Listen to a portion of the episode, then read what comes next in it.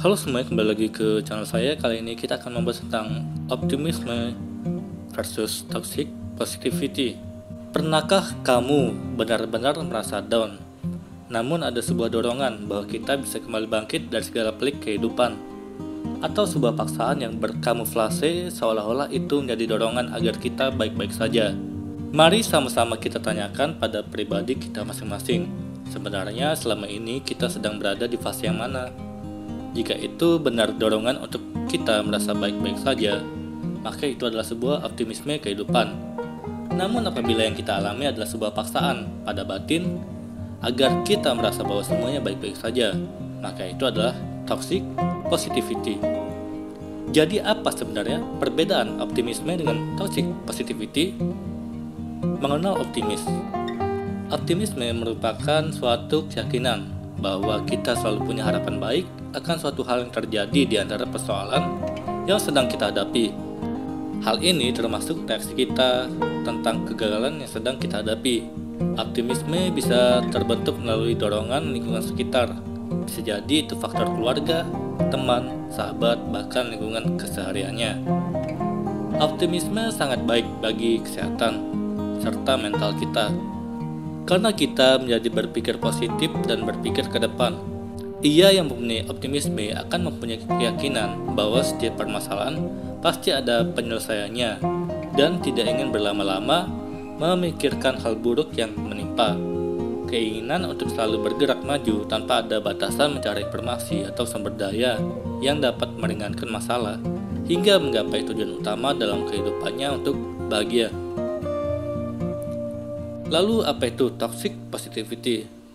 Walaupun positivity itu baik, tapi tetap saja buruk karena ada kata toxic di sana. Kalimat good vibes only memang baik, namun juga bisa berdampak buruk bagi kita. Kalimat lain yakni kamu harus bahagia, pokoknya nggak boleh sedih. Sifat dan kalimat ini sama-sama racun bagi personal kita loh. Jadi, toxic positivity itu merupakan gagasan yang dilontarkan untuk mendorong dan memaksa orang lain agar selalu bahagia. Berpikir positif, semangat, selalu melihat sisi baik dari setiap masalah, dan lain sebagainya.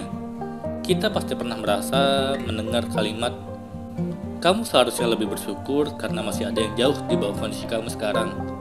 Untuk kalian yang sering mengucapkannya, hati-hati ya, karena kata-kata tersebut bukan menambah orang yang sedang galau menjadi semangat, justru malah akan menambah stres Bukankah sesuatu yang dipaksa hasilnya akan tidak baik atau kurang maksimal?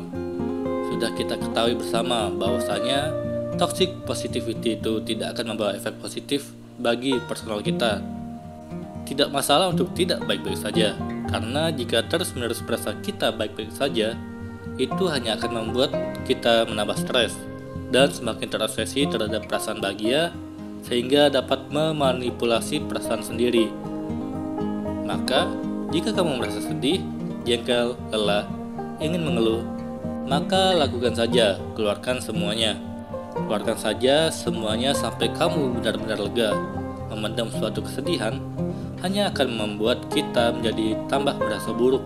Dan untuk kalian yang sedang dijadikan tempat berbagi daripada memberikan solusi permasalahan, jauh lebih baik jika Anda hanya mendengarkan lalu memahami.